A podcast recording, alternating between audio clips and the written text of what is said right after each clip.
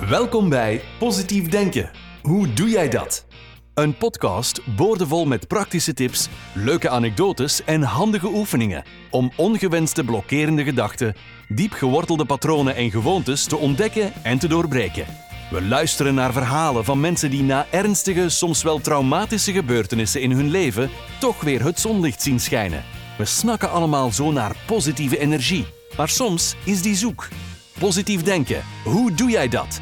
Hier is jullie host, Sylvie Dutois.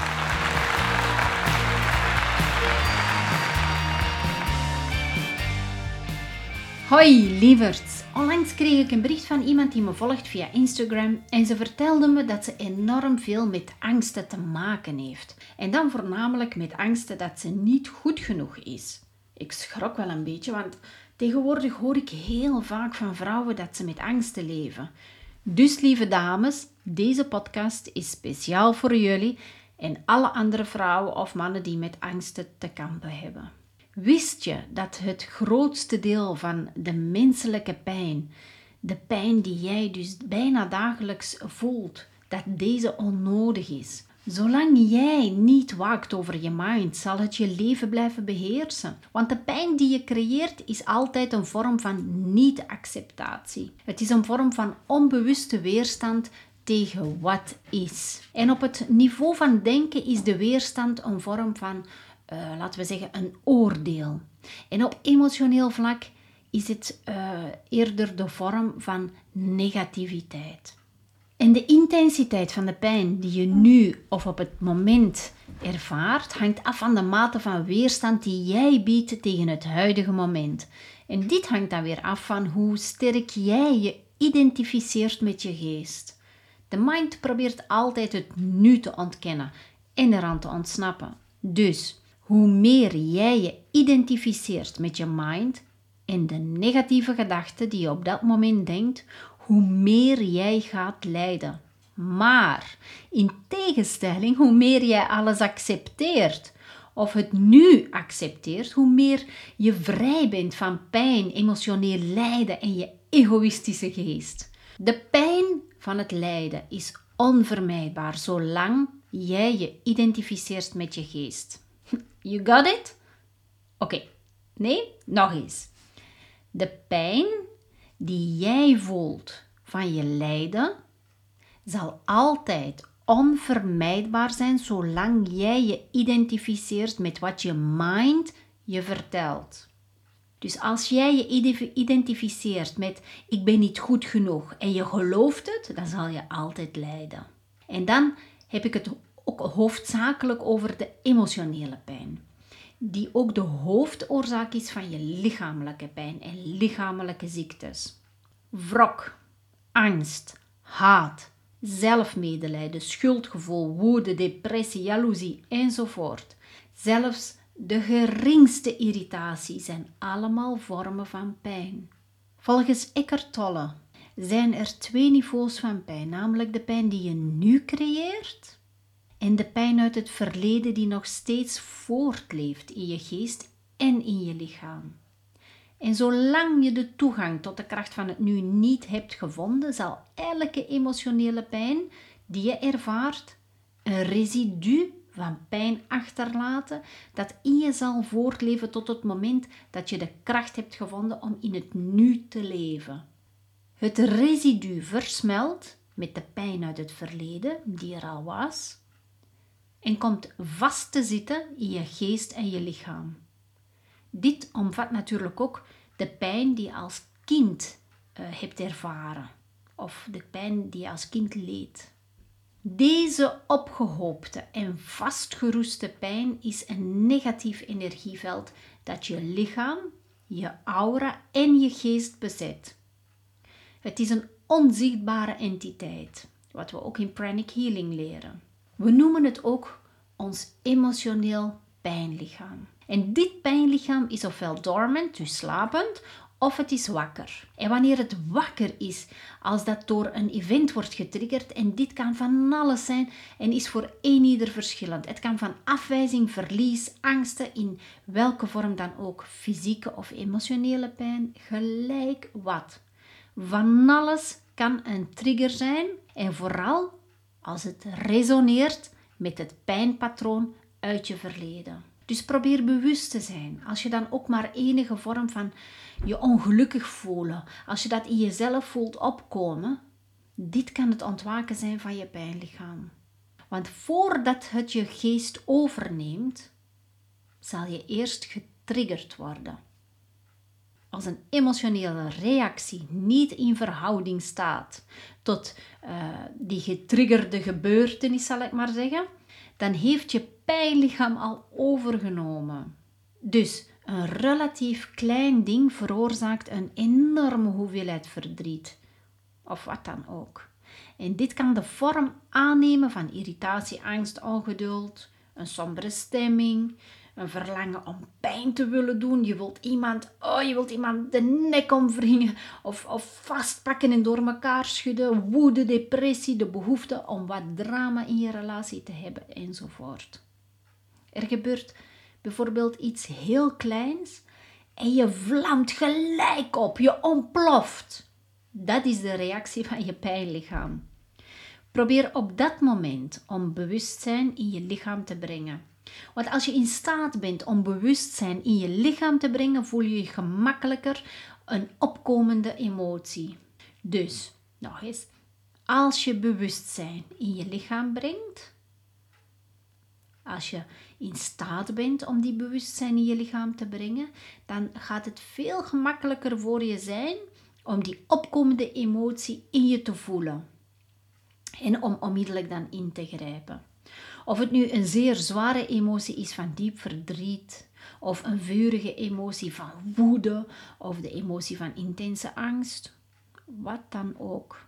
Het belangrijkste is dus om het op te merken en het aan te pakken op het moment dat het zich voor het eerst voordoet. Kijk, het pijnlichaam wil alleen maar overleven, net als elke andere identiteit die bestaat. En het kan alleen overleven als het lukt ervoor te zorgen dat jij je er onbewust mee identificeert. Het wordt dan wakker en het neemt je hele zijn over. En het wordt bij wijze van spreken jou. En om te overleven heeft net als ons ook een entiteit voeding nodig.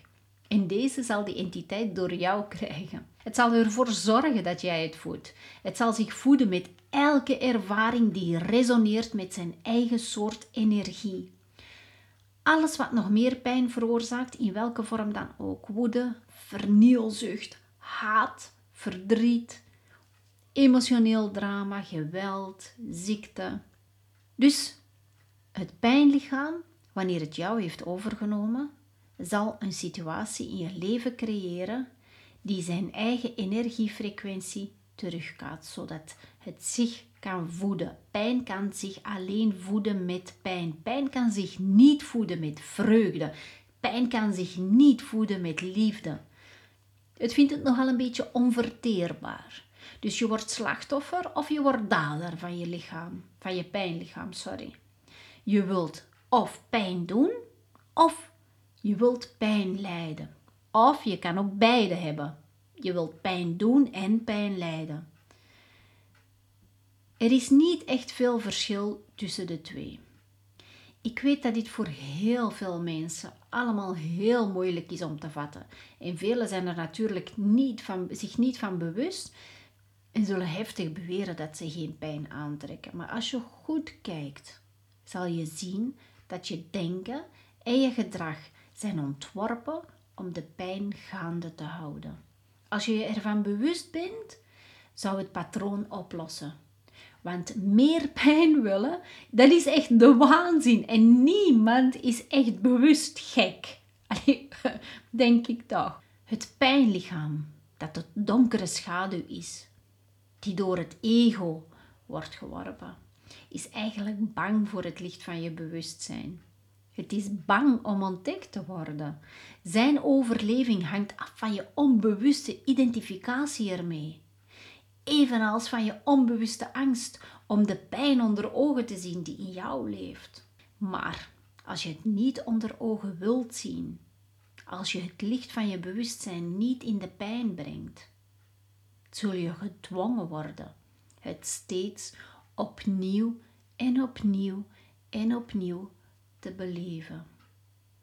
Het pijnlichaam lijkt je misschien een gevaarlijk monster dat je niet onder ogen durft te komen, maar ik verzeker je dat het een onbeduidend spook is dat niet kan overwinnen tegen de kracht van jouw aanwezigheid om in het nu te staan. Er zijn tegenwoordig zoveel mensen die geen voeling hebben met hun emoties, omdat ze alleen maar in hun hoofd leven. Dus een emotie kunnen voelen als die opkomt en het daarna herkennen. Als het begin van het pijnlichaam, mijn pijnlichaam. Als je dat kan, ben je al een heel eind op weg. En zolang je weet dat dit het pijnlichaam is, identificeer je er niet mee. Want juist het weten is het bewustzijn. En één ding dat niet gebeurt, is dat het pijnlichaam je denken niet kan beheersen, omdat je het licht van het bewustzijn erop laat schijnen. Het kan dan niet in je geest kruipen en je geest dan plotseling laten denken wat, wat het wil. Dus blijf terwijl het bewustzijn ontwaakt en zeg: Oh, daar heb je mijn pijnlichaam weer. Dan kan het zichzelf niet vernieuwen en heeft het ook geen controle over jouw gedrag of jouw acties. Het is alleen dat je het in bedwang hebt gehouden, niet door het de kop in te drukken, maar je hebt het daar ingesloten door je aanwezigheid, door bewust te leven, door alert te zijn, door het op te merken dat het het bijlichaam is. Als je hierover meer wenst te lezen, omdat je het hoort donderen in Keulen bijvoorbeeld, en het allemaal nogal een beetje moeilijk te begrijpen vindt, dan raad ik je ten sterkste aan om het boek um, van Eckhart Tolle te lezen over het leven in het nu. En wil je meer leren over deze entiteiten weg te nemen, door, sorry, door middel van energetische healing, dan raad ik je ten sterkste aan de cursus van Pranic Healing te volgen. Want daar leer je ook alles over je pijnlichaam en je entiteiten en hoe ze te verwijderen uit je aura's en je chakras. Want een entiteit die langdurig in je etherisch of fysiek lichaam blijft zitten, kan 100% voor lichamelijke klachten en ziektes zorgen. Dan wil ik nog afsluiten met een quote van Eckhart Tolle. Just as you cannot fight the darkness, you cannot find the pain body. Als je dit toch zou proberen, zou je innerlijk conflict creëren en dus nog meer gaan lijden. Het observeren is al genoeg. Er naar kijken impliceert het accepteren als onderdeel van wat op dat moment is. Ik hoop dat ik jullie wat heb bijgebracht en jullie nu meer in liefde kunnen samenleven met jullie pijnlichaam. En zoals je weet, liefde overwint alles. Hou jullie goed? Don't worry, be happy. Love you. Doei. Super bedankt voor het luisteren. Wil je graag sneller resultaat behalen en positiever in het leven staan? Bestel dan het boek Personal Mindset and Destiny Rewriter, waarmee je op vier weken tijd tot een compleet nieuw leven komt. Aan de hand van inzichten, handvatten, meditaties en oefeningen ga jij leren om je geloofssysteem te resetten Nadat je het psychologische trucje om mentaal sterker en positiever te worden onder de knie hebt, gaat jouw mindset zich wel met zeker 200% verbeteren. Zeg maar vaarwel tegen depressie, angsten en negatieve gedachten. Als je het boek koopt, kom je gratis in de community waar we elkaar helpen, ondersteuning bieden en begrip tonen. We zullen zelfs samen mediteren.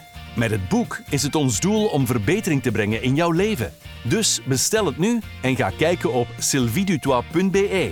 Dan zien we jou snel in de community. Je kan ook een boek winnen. Maak een foto van het moment waarop je op abonneer klikt van deze podcast en mail die foto naar ons. Heb je een leuk verhaal dat je wilt delen tijdens een interview? Ook als je vragen hebt, laat het ons weten. Dan beantwoorden we deze in een van de volgende afleveringen. Stuur dan een mailtje naar podcast@sylvidutois.be.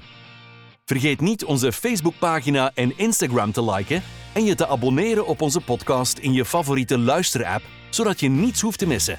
En luister je via de podcast-app van Apple? Laat dan ook een review achter. Zo help je de podcast nog meer onder de aandacht te brengen. Heb een fijne en liefdevolle dag. En positief denken. Hoe doe jij dat? Laat het ons weten. Tot de volgende keer. Dag.